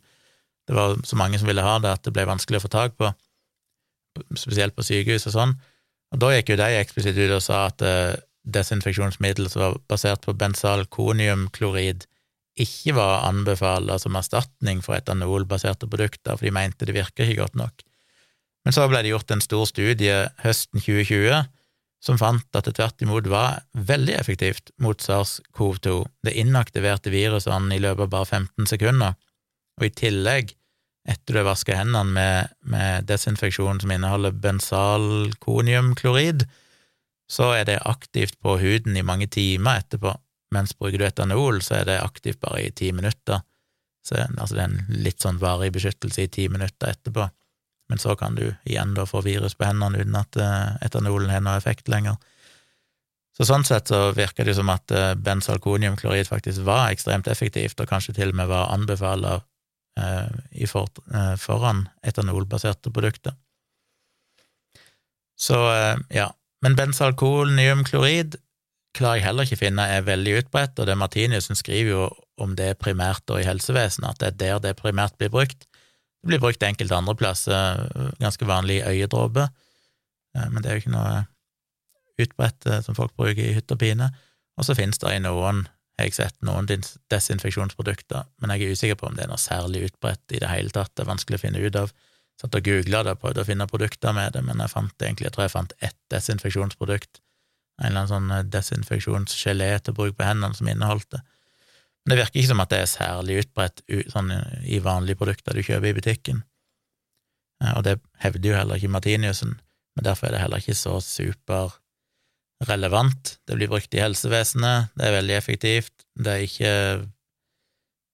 Ja, eh, det glemte jeg å notere ned når jeg leste det, men han, han, det er riktig, som jeg sa, at det er noen studier som viser at det kan kanskje føre til resistensproblematikk. Igjen, alt dette er jo hypotetisk, sånn, de finner jo det i laboratorieforsøk, men om det er gjeldende i praksis, det vet vi jo ikke. Men en av de kildene han viser til i sitt siste tilsvar, den sier jo tvert imot at bensalkoniumklorid er veldig effektivt og veldig anbefalt å dreper alle bakteriene og dermed ikke burde han særlig Så han viser jo både til kilder som støtter hans argument, og så viser han òg til en kilde som han bruker i en annen sammenheng for å støtte et annet argument, som òg da faktisk undergraver hans argument om bensalkoniumklorid. Så det er jo litt eh, interessant. Så skriver han òg da i, det, i den første at kronikken sin, innledende kronikken, i et intervju med Healthcare in Europe advarer molekylærbiolog og professor Tim Steiner Jeg tror egentlig ikke han heter Steiner, jeg tror han heter Stiener, Stiner, eller noe sånt mot overdreven bruk av håndsprit i helseinstitusjoner. Han forteller om hvordan bakteriene over tid vil tilpasse seg og bli resistente mot håndsprit. Uh, ja, men han sier jo da ikke at du ikke skal bruke det, han sier bare at du må kombinere det med andre ting. Så Og, og igjen så, så, baserer jo han også da på den australske studien, så alle kildene Martinussen bruker, peker jo på en måte tilbake igjen primært til den samme studien, og så er det noen andre studier som er mer sånn jeg si, teoretiske eller hypotesedannende, som tyder på at, at det kan føre til at bakterier endrer seg, men det visste vi jo på en måte, det er ikke så veldig overraskende. Vi vet jo at blir, du, blir bakterier utsatt for et seleksjonspress, så vil enkelte mutasjoner vinne fram. Spørsmålet er jo om det er noe som faktisk kan bre om seg, om det er et stort nok problem til at vi faktisk vil oppleve resistensproblematikk i praksis, og det er det jo ingen av disse studiene som viser. Det er jo kun den ene studien, og den australske, men den er jo som sagt sterkt kritisert av andre eksperter fordi han egentlig ikke viste det i det hele tatt i praksis. Så ja. Så til slutt, for å oppsummere alt dette, så tenker jeg at eh, sannheten ligger et sted mellom Martiniussen og FHI. Martiniussen har nok uh, rett i at dette definitivt er noe en bør følge med på. Det er jo på ingen måte noe nytt fenomen, en har jo sett dette helt tilbake til 60-tallet, så er det jo rapportert om denne problematikken. Så dette er vi jo visst, men nettopp derfor òg, siden vi visste visst om det siden 60-tallet, og det fortsatt en dag i dag ikke ser ut til å ha blitt noe stort problem 50 år seinere, 60 år seinere, så er det kanskje ikke så kritisk som Martiniussen vil ha det til. Samtidig så er det jo mer bruk av disse midlene nå enn det var i 1960, eh, så det er klart, jo mer vi bruker det, jo større er kanskje muligheten for at dette skal skje over, over, over tid. Så jeg tror det alle er enige om, sikkert faglig sett, vil jeg anta, sånn som jeg leser litt mellom linjene, er at alle er enige om at ja, Martiniussen har rett i at dette er et problem, eller et potensielt problem. Alle er klar over at dette er noe en bør følge med på. Um, uansett hvilken side av saken ekspertene står på, så er alle enige om at vi trenger mer forskning, vi trenger å følge med på dette, passe på at det ikke blir et problem. Men samtidig så vet vi jo òg at det er ekstremt nyttig og sannsynligvis redder millioner av liv hvert år, nettopp det at vi har tilgang på denne type desinfeksjonsmidler. Så svaret kan jo ikke være å bare kutte det ut. Spørsmålet er jo skal folk flest bruke det. Eh, jeg vil nok si ja, fordi du beskytter deg sjøl mot influensa, omgangssyke og sånn. Kanskje en liten effekt mot covid-19, bedre enn ingenting. Det er veldig effektivt mot, mot, viruset, det er det ingen tvil om. Når eh, Martiniussen tidligere skrev en plass at nå som vi vet at det ikke er effektivt, så mener han jo ikke at det ikke er effektivt mot viruset, det er det i aller høyeste grad, men eh, det han mener, er jo at viruset ikke smitter så mye via hendene, og dermed så er det kanskje ikke så stor betydning. Og det er riktig, men betydningen er større enn null, og kombinert med effekten mot influensa, omgangssyke og sånn, så tenker jeg at det er noe å anbefale, men det er viktig å huske på at det er noe en skal bruke bare når en ikke har tilgang på sårbar vann. Så iallfall ikke være en av de folkene som føler for å bruke desinfeksjonsmiddel på badet. FHI skriver jo veldig eksplisitt på sine nettsider at det er ingen hensikt å bruke både sårbar vann og i tillegg desinfeksjonsmiddel. Og der må jeg er skyldig av og til hvis jeg har vært på et offentlig toalett så vasker jeg hendene med såpe og vann, selvfølgelig, og jeg vasker de godt. Men hvis det henger et sånt apparat der for eh, desinfeksjon, så har jeg ofte en tendens til å ta det på på slutten. Men det skal jeg slutte med. Det bør en ikke gjøre, spesielt fordi hendene da ofte er litt fuktige fortsatt, og dermed så virker det uansett ikke så godt, og fordi det er helt unødvendig. Du trenger ikke å bruke begge deler, og det burde jo kanskje være det viktigste budskapet her. Ikke være en av de som har desinfeksjon hjemme på badet, sånn at når du har vasket hendene, så desinfiserer du hendene i tillegg. Slutt med det. Eh, litt som med antibiotikabruk. Antibiotika er ekstremt nyttig, ekstremt viktig. Poenget er bare ikke å overforbruke det. Så man balanserer nytte mot ulempe, da. Så eh, har du vært ute i byen og skal inn i en butikk og ta på ei handlevogn og sånn, så tenker jeg at ja, det er fortsatt verdt å sprite hendene. Du beskytter deg sjøl og andre mot eh, potensiell, spesielt influensa og omgangssyke, og det tenker jeg er veldig nyttig for samfunnet og deg sjøl. Men, eh, men alle andre plasser der du har mulighet til å vaske hendene, gjør heller det, og ikke gjør begge deler. Det er vel det oppsummerende budskapet i den debatten. Så da håper jeg dere ble litt kronologer på alt dette her greiene som det tok meg et par timer å sitte og lese meg opp på. Og jeg som vanlig, hvis jeg har sagt noe feil, send meg en mail til tompratpodkast at gmail.com, så kan jeg få rette opp i de neste episode. Så til en annen mail jeg fikk ifra Erling, som eh, sender meg link til en kronikk på NRK i dag, det var vel i dag, eller teknisk sett i går. Den ble eh, publisert der han skriver som kommentar i mailen provoserende, ja, men er det bra at NRK publiserer slik ytring, eller bør de la være? Og ytringen er da skrevet av Beate Langfelt, som er fysioterapeut og yogalærer. Tittelen er Ansvarlig og uvaksinert, med ingress Vi skal leve videre sammen, gjennom korona og etterpå. Dersom vi ikke tåler at vi tar forskjellige valg, blir det et vanskelig samliv. Hun innleder da med å si at hun er en av de få som ikke har vaksinert seg i Norge, og det er helt frivillig, men hun er redd for å si det offentlig. Hun driver blant annet med yoga og sånn, og har mange gamle folk på disse yogatimene.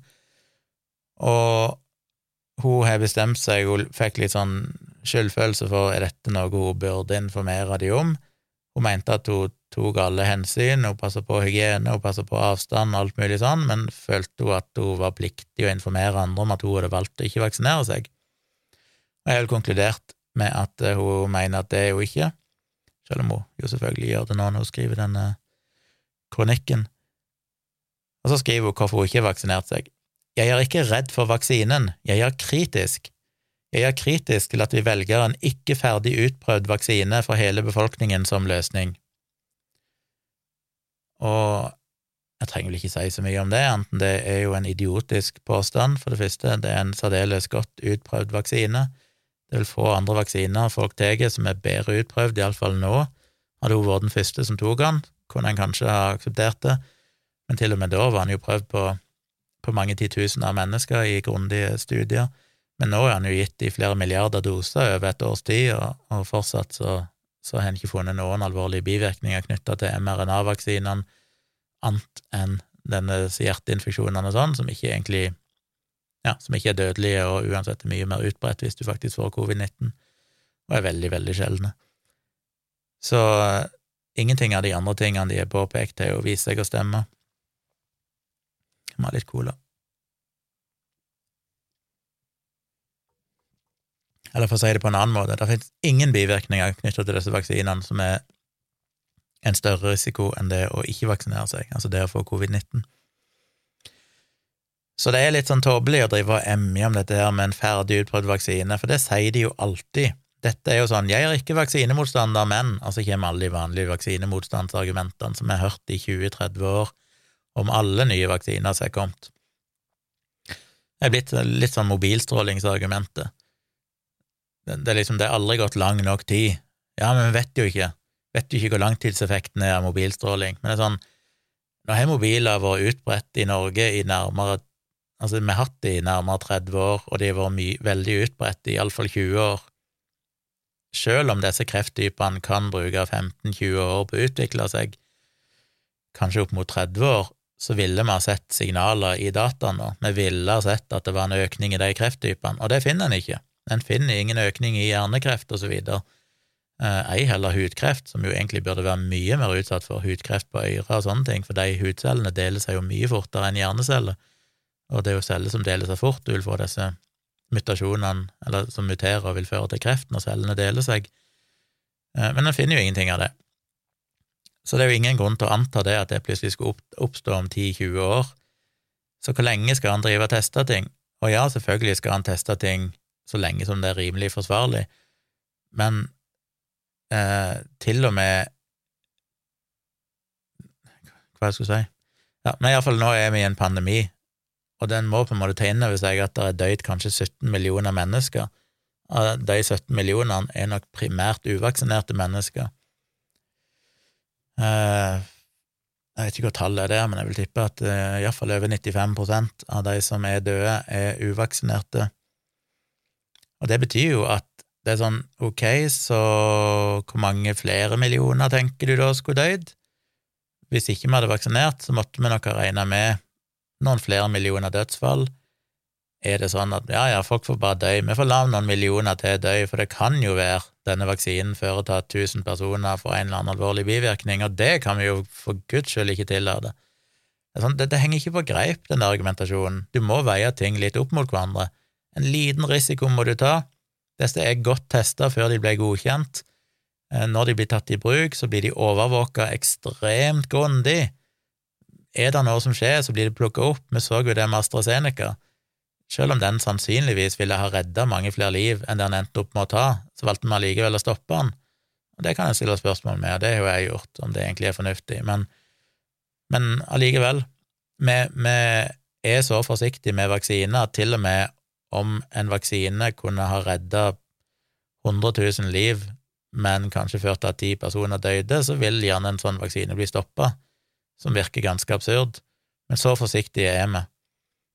Så den ideen om at han ikke er ferdig utprøvd, det er han jo, og at han eh, bare blir brukt som en løsning, vel, det er jo den eneste løsningen. Vi gikk jo i et, eh, nesten et år, ja, over et år for de fleste av oss, uten vaksine, og det gikk jo ikke så veldig bra. På det tidspunktet så hadde vi jo, passerte vi jo kanskje over bortimot ti millioner mennesker som hadde dødd fordi de ikke hadde vaksine. Og da måtte vi jo kjøre streng lockdown, og det er sånn, skulle vi da kjørt streng lockdown i fem år til, kanskje, fordi vi skulle vente for å se om denne vaksinen virkelig var trygg? Er det det hun ønsker seg? For du kan ikke få begge deler, du kan ikke både ha et fritt og åpent samfunn og i tillegg vente i fem–ti år på å se om vaksinen virker. Hvis ikke du vil ha vaksinen, ja, så må vi stenge ned, da kan ikke hun ha noen yogatimer, det vil ikke hun ha mulighet til, hun kan ikke, kan ikke gå på butikken, hun kan ikke gå ut og ta seg en øl. Ingenting av det vil vi kunne ha hvis vi skulle kjøre et samfunn uten vaksinering. Så jeg blir ikke veldig imponert. Videre skriver hun jeg er kritisk til at intensivkapasiteten på sykehusene ikke er økt. Og ja, det er det mange som er kritiske til, men ett problem med den kritikken er jo at det å øke intensivkapasiteten vil jo ikke egentlig løse noen ting, det vil jo kun føre til at du utsetter problemet, kanskje med et par uker. Fordi så lenge du har eksponentiell vekst, så kommer du ikke utenom å måtte ha eh, smitteverntiltak og restriksjoner i samfunnet. Hvis noen har en idé om at hvis vi hadde tidobla kapasiteten på intensivavdelingene, så hadde vi sluppet noen, noen, lockdown, vel, det hadde vi ikke. Vi hadde kanskje utsatt det med en måneds tid. Nå, nå dikter jeg opp litt tall her, da, men med tanke på eksponentiell vekst og ingen begrensninger, så er kanskje en måned overdrevet, kanskje to uker. Um, Iallfall hvis smitten dobler seg hver andre-tredje dag, så sier det seg sjøl at det egentlig bare i og så er du ti ganger så høye tall. Så det, det, det henger ikke på greip. Jeg føler det blir oversett av så mange. Det er mange oppegående folk der ute som snakker om at vi må øke intensivkapasiteten. Jo da, men det er ikke sånn at hvis vi hadde gjort det, så hadde vi sluppet restriksjoner. Det er ikke sånn virusene fungerer. Eksponentiell vekst betyr bare at du i beste fall hadde utsatt det med ei uke eller to før kapasiteten igjen ville være sprengt i intensivavdelingene. Så det er jo ikke et argument. Det er ikke sånn at hvis vi hadde økt det, så hadde vi sluppet de tiltakene. Det hadde vi ikke. Eh, videre skriver hun jeg er kritisk til at det ikke har vært en mer åpen debatt om virkning og bivirkningene av vaksinen, og om behandling av de syke. Og det er jo jeg helt sånn, jeg, jeg skjønner aldri det når vaksinemotstandere sier det. Har det virkelig ikke vært en åpen debatt om virkning og bivirkninger? den, den, om, Hvis noen slipper en utilsikta fis etter å ha fått vaksinen, så får de jo førstesideoppslag på Dagbladet.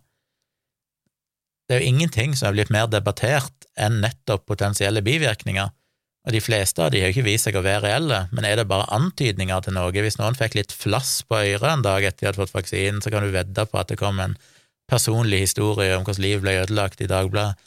Dette har jo vært så debattert, Jeg vil tippe at et flertall, og det vet vi jo basert på hvordan fake news og, og desinformasjon sprer seg, et flertall av alt som er posta på internett det siste året, har nok handla om nettopp feilinformasjon om bivirkninger, eh, eller informasjon om bivirkninger.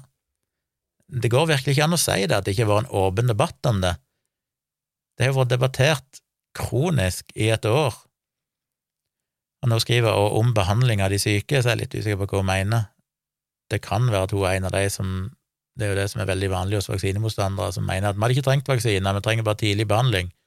Behandler de med hydroksyklorokin eller ivermektin, så slipper du dette, eller antivirale midler. Men igjen, da glemmer de jo det poenget med at det hjelper jo ingenting mot smittespredning. Eh, det hjelper jo kun når folk faktisk har blitt syke, det vil kanskje ikke hjelpe mot potensielle langtidsvirkninger som long covid, det vil koste samfunnet mer, fordi disse medisinene er som regel skitdyre å bruke. Så det er sånn, det er ikke en løsning. Poenget er at det er kun vaksiner som forhindrer smitte og begrense smittespredning.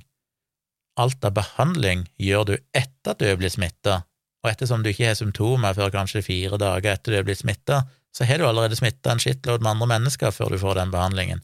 Ergo så vil det være ekstremt ineffektivt å basere seg på det. Men den type argumentasjon går jo aldri inn i hodet på disse folkene. For de har hørt et eller annet et eller annet sted som de syns virker smart, og så har de aldri tatt seg bryet og faktisk prøve å forstå om argumentet holder vann eller ikke. Um, så sier hun videre, jeg mener at det er å være ansvarlig og stille kritiske spørsmål. Det er ansvarlig å etterlyse en mer åpen debatt om det som angår våre, våre og våre barns liv, helse og framtid. Den klassiske just asking questions eller jacking off. Det er sånn, nei, men jeg er ikke imot vaksinene, jeg er bare kritisk, jeg bare stiller spørsmål. Men igjen, tror du ikke forskerne som har jobba med dette, Pfizer, Moderna, alle de som har utvikla vaksinene, og så skal det godkjennes av forskjellige instanser, du er FDA, du er EMA, tror du ikke de har stilt kritiske spørsmål? Det er deres fuckings jobb, og de stiller kritiske spørsmål som er så ekstremt mye mer relevante og avanserte enn noen ting som denne kronikøren kunne ha fantasert seg til i sin Ja, det, det er bare det er så ufattelig selvforherligende å tenke at ja, men jeg stiller de viktige spørsmålene som sikkert ingen andre har tenkt på. Sånn, Jesus Christ, hvem tror du at du er? Du er en fuckings yogalærer. Hva i all verden tror du du har å tilføre fagmiljøene angående vaksineutvikling og det å stille kritiske spørsmål til potensielle problemer? Dette er gjort, slapp av, og debatten er gått i, egentlig i to år nå siden vaksinene kom på markedet, og generelt sett i mange tiår, så lenge det er våre vaksiner, så har vi stilt disse spørsmålene. Og der finnes svar på de. Og det er det som er det vanlige med disse jacking off-folkene. Det er sånn, De stiller spørsmål, men de har null interesse av å lytte på svarene. Svarene finnes der. Jeg prøver å fortelle de og formidle de gang på gang på gang. Jeg skrev om de i bloggen, men de har null interesse, for de er kun interessert i å stille spørsmål, for da kan de føle seg litt smartere enn alle andre, litt mer ansvarlige så lenge de bare passer på å lukke ørene og aldri faktisk bli opplyst om noen ting som helst her i verden. Fuckings idioter. Sorry. Eh, så jeg går jo videre til poenget, da, at alle uvaksinerte jeg kjenner, er redde for å si høyt at de er uvaksinerte. Mange av dem har opplevd å bli skjelt ut, både av nære familiemedlemmer, venner og fremmede.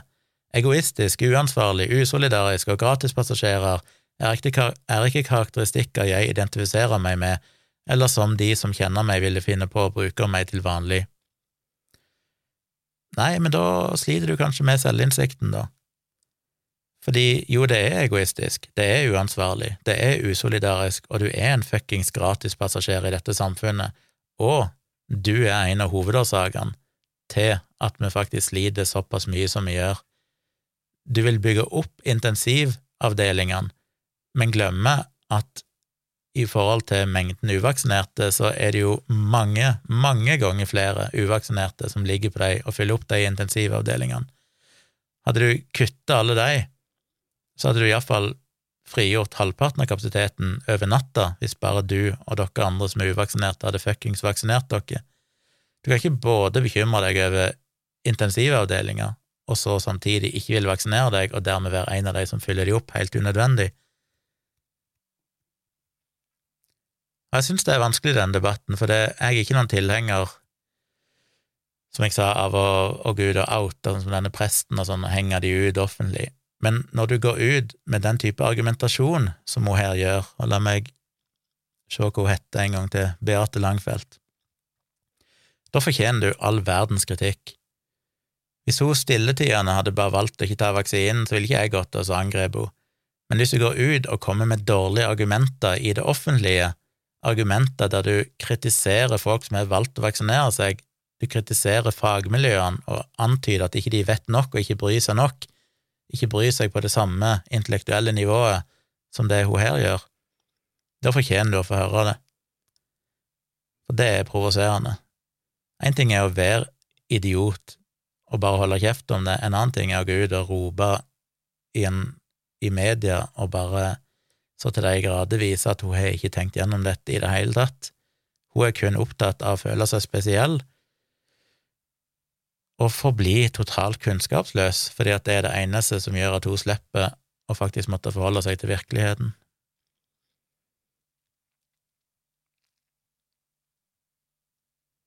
Hva videre skriver hun? Uh,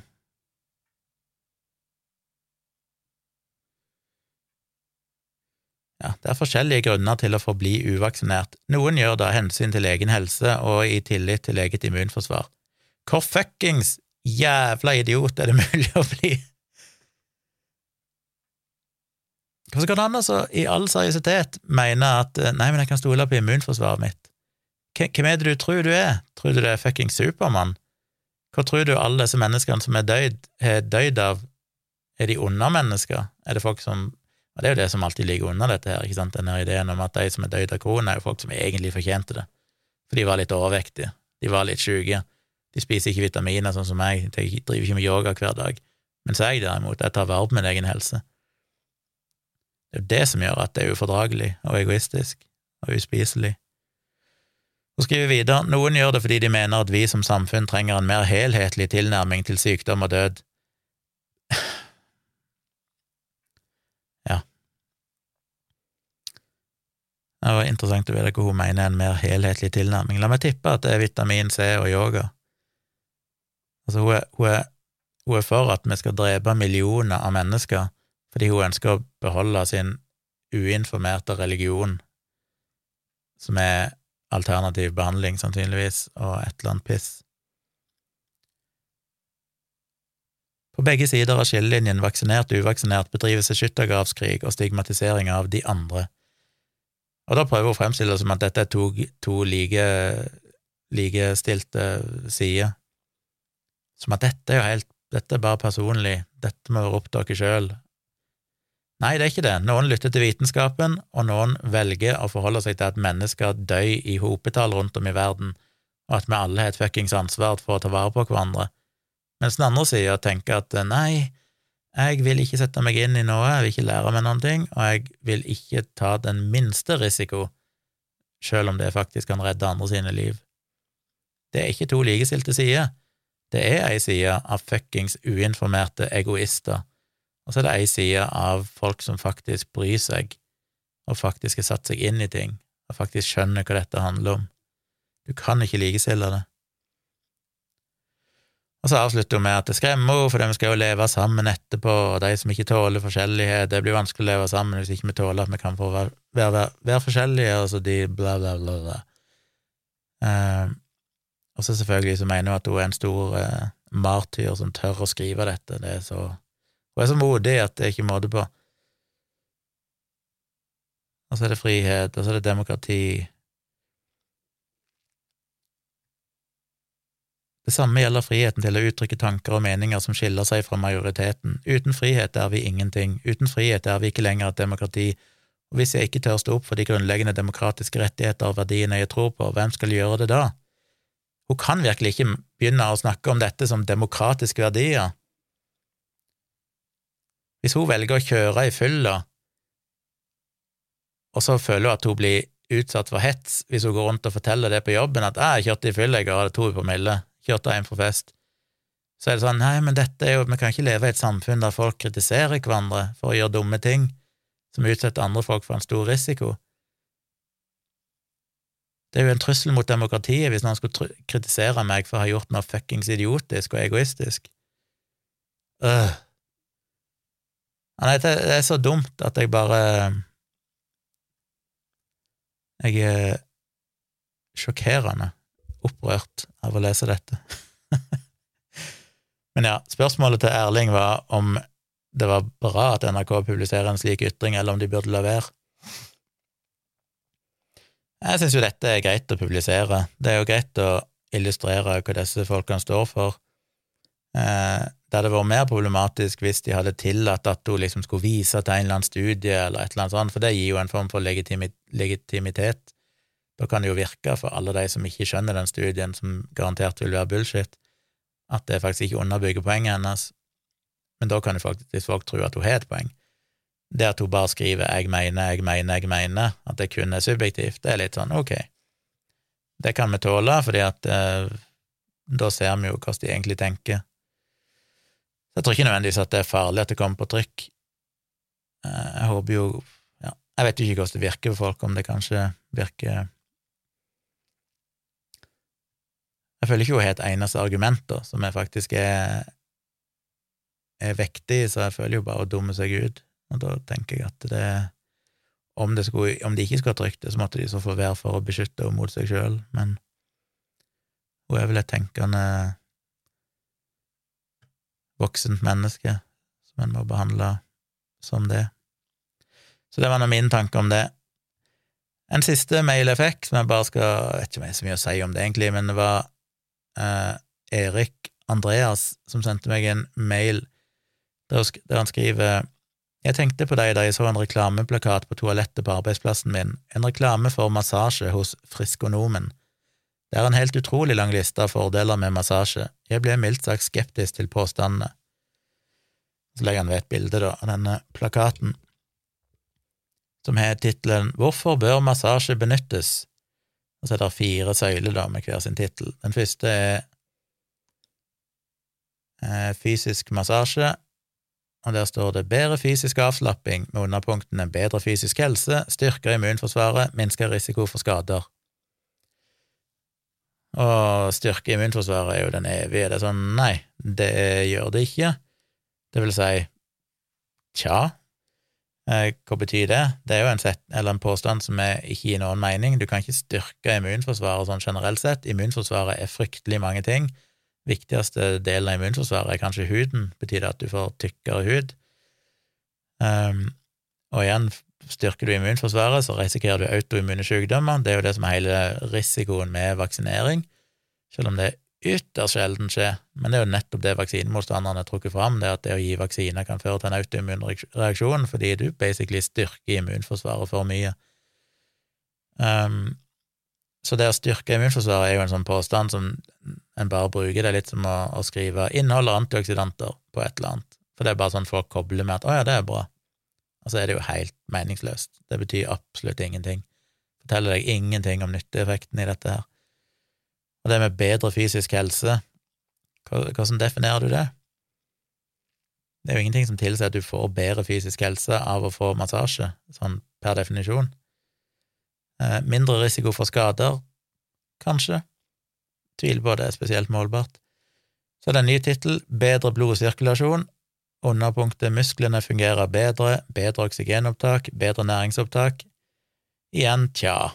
Jo, kanskje, i noen tilfeller, kanskje du kan måle en effekt, den er neppe særlig relevant for folk flest. Jeg tviler på at du kan Og igjen, hvorfor skulle det være nyttig? Hvorfor trenger du bedre oksygenopptak? Jeg tror de færreste av dere trenger et bedre oksygenopptak. Vi har akkurat det oksygenopptaket vi trenger i kroppen. Bedre næringsopptak. Tviler på det er en evidens for det i det hele tatt. Eh, men det skal jo da være effekter av at blodsirkulasjonen bedres. Det er nok en veldig kortsiktig effekt. Det er riktig det at hvis du masserer, så kan du på en måte irritere et område, irritere en muskel, som gjør at du får en bedre blodsirkulasjon i det området, men det vil være relativt lokalt, og det vil være relativt kortvarig. Det er ikke sånn at du dermed kan si at du får bedre oksygenopptak eller bedre næringsopptak i kroppen på generell basis. Kanskje du merker en liten endring i kort tid. En ny hovedtittel, Mindre spenninger i kroppen, med underpunktene Bedre energi, Prestere bedre, Bedre konsentrasjon, I call bullshit. Igjen, hvordan i all verden måler du det? Hva betyr bedre energi? Eh, og hvordan i all verden kan du skille den effekten for det å bare ligge nede og slappe av? Jeg vil tippe at de fleste får òg bedre energi hvis de tar seg en, eh, en lur, et eller annet sånt. Det er mange måter å få bedre energi på. Hvordan du nå måler det, det handler vel ofte bare om avslapping. Om det er knytta spesifikt til massasje, det, det vet jeg ikke.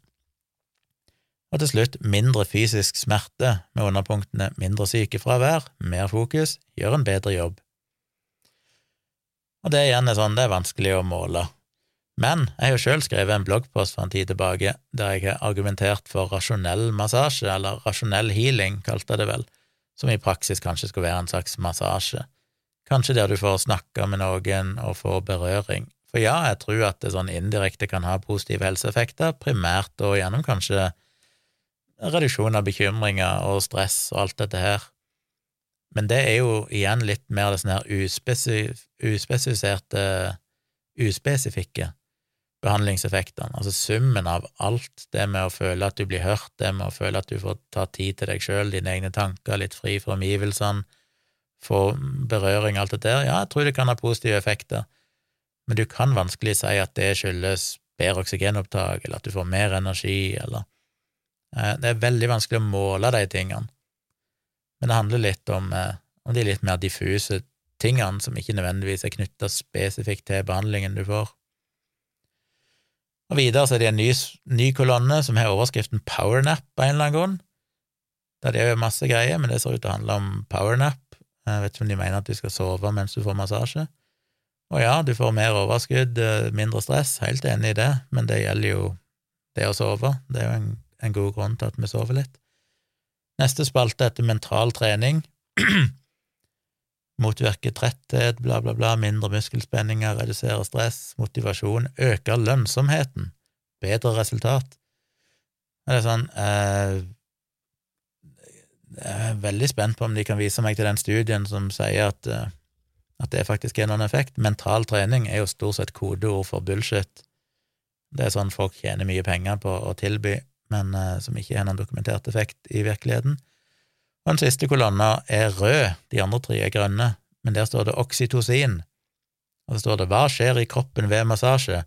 Blodsirkulasjonen øker, muskelcellene får mer oksygen, avfallsstoffer blir mer effektivt transportert ut. Det er sånn Nei. Igjen, det er sånn det klassiske sånn hvis du Du kan sikkert vise til en eller annen studie som fant en eller annen endring. Problemet er, er det klinisk relevant?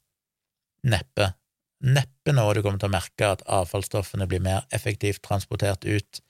Og det regner jeg med de bare antar fordi de mener at du får bedre blodsirkulasjon, men igjen, jeg tviler på at du kan si at du får bedre blodsirkulasjon generelt sett i lang tid. Ja, du får kanskje en økt blodtilstrømning i områder som blir utsatt for massasjen, fordi det fører til en slags betennelse i muskelen eller en slags eh, reaksjon, men eh, men det er neppe noen langsiktig effekt som har noen betydning. Og så skriver de hormoner frigjøres, og deres oppgaver Merkelig setning. Hormoner frigjøres, og deres oppgaver. Det er tittelen. Og så underpunktene oksytocin er motpol til adrenalin og noradrenalin. Reduserer stress, senker angstnivået, høyere smerteterskel, forbedrer immunforsvaret, senker blodtrykket, øke næringsopptaket, virke gunstig på våre evner til problemløsninger. Og ja, mye av det er der er, kan det være noe i, jeg skriver jo selv om de tingene i placeboeffekten, men problemet er bare at selv om du kan måle det, og selv om det i noen situasjoner for noen mennesker kan være positivt med noen av de effektene, i kombinasjon med mange andre ting i livet ditt som må på en måte klaffe og alt dette her, det er ikke sånn at du bare kan gå og få massasje, og så plutselig så løser alle disse tingene seg. Dette er komplekst, og det er mye uspesifikke behandlingseffekter inne i bildet her. Eh, så selv om det er sånn teknisk sett, så kan de sikkert vise at noen av de tingene stemmer. Det er sånn, ja, hvis du reduserer stress, så vil det kunne ha en positiv effekt på immunforsvaret ditt. Um, men, men, du kan ikke si at hvis du går til massasje, så vil du per definisjon redusere stress og få et bedre immunforsvar. Det er liksom de der koblingene de trekker til at dette du gjør A, så skjer B. Det kan en ikke si. Det vil være så mange faktorer som spiller inn. Så ja, Det var bare noen av mine kommentarer til det bildet. Jeg vil jo si at massasje er deilig. Jeg mener, hvis jeg kunne fått massasje hver dag, så hadde jeg jo Ja, hadde betalt litt for det, tror jeg. Jeg vil gjerne betale et abonnement på en 50-lapp eh, om dagen for å få en halvtimes massasje hver dag. Det er billig. 50 kroner. Dårlig timebetalt. Det er så problemet med massasje. Det er for dyrt. Skulle gjerne hatt det hver dag, men skal du betale det det koster, så, så går det ikke. Ville det generelt sett hatt alle disse effektene? Mm, neppe. Det er nok mye annet du kan gjøre i livet ditt som vil ha mye av de samme effektene, og det vil være vanskelig å måle at disse tingene faktisk skjer. Men eh, det er deilig, og det kan være én måte å avspenne på, hvis det er der du er i livet, at du er veldig stressa, hvis du trenger det. Men det var jo en av greiene her, da, med at dette vil, disse tingene de ramser opp, vil kanskje kunne virke for noen, gitt at de faktisk er i en situasjon der det vil kunne virke for dem. Det er ikke sånn at det vil automatisk være sånn for alle. Det vil nok være sånn for de færreste. Så er du i en situasjon der dette kan, der du trenger det å få massasje, for du trenger den avspenninga, du trenger den stressreduksjonen, du trenger berøring, whatever. Så ja, for all del, det er ingenting galt med massasje. Jeg tror alt i alt at det er positivt. Jeg vil gjerne anbefale folk å få massasje når de kan, men du vil neppe kunne måle det konkret i disse effektene her. Og igjen, det er neppe langsiktige effekter, så skulle det virkelig vært så viktig for helsa, så måtte du nok gjort det Veldig ofte. Da måtte det være en gammel romersk keiser eller noe sånt som ble massert eh, dagen lang av sine slaver, og det er vi jo dessverre ikke de færreste av oss. Jeg vil tippe ingen av dere som lytter på, er en romersk keiser. Så det var mine, mine kommentarer til den. Nå må jeg vel ha snakka lenge. Det er jeg. Så jeg tror jeg skal runde av. Jeg legger jo inn kapittelinndelinga i podkasten, så hvis dere har en skikkelig podkast-app, så vil dere kunne se det. Som betyr at dere kan hoppe akkurat til den seksjonen dere vil. Jeg håper dere hører alt. Men hvis du kommer på at du vil høre noe igjen, hva var det Jan Tjomli sa om, eh, om et eller annet, så er det lettere å finne det, fordi det er kapittelinndelinger. I noen podkast-apper kan du velge å dele en podkast ifra et eller annet spesielt uh, tidspunkt, og da kan du gjøre det for eksempel ifra en kapittelinndeling. Så hvis du vil sende podkasten min til noen og si 'hør det han sier om uh, alkoholbasert hånddesinfeksjon, og så kan du sende dem link som starter akkurat på riktig sted. Så det kan jo være nyttig. Og takk for uh, hyggelige kommentarer jeg har fått inne på Apple Podcasts. Jeg er inne og kikker, dukker opp noen i ny og ne. Setter alltid pris på flere, igjen, ikke fordi jeg ja, Selvfølgelig er de superhyggelige å lese positive kommentarer, men aller mest fordi det bidrar til de gode algoritmene for å spre podkasten.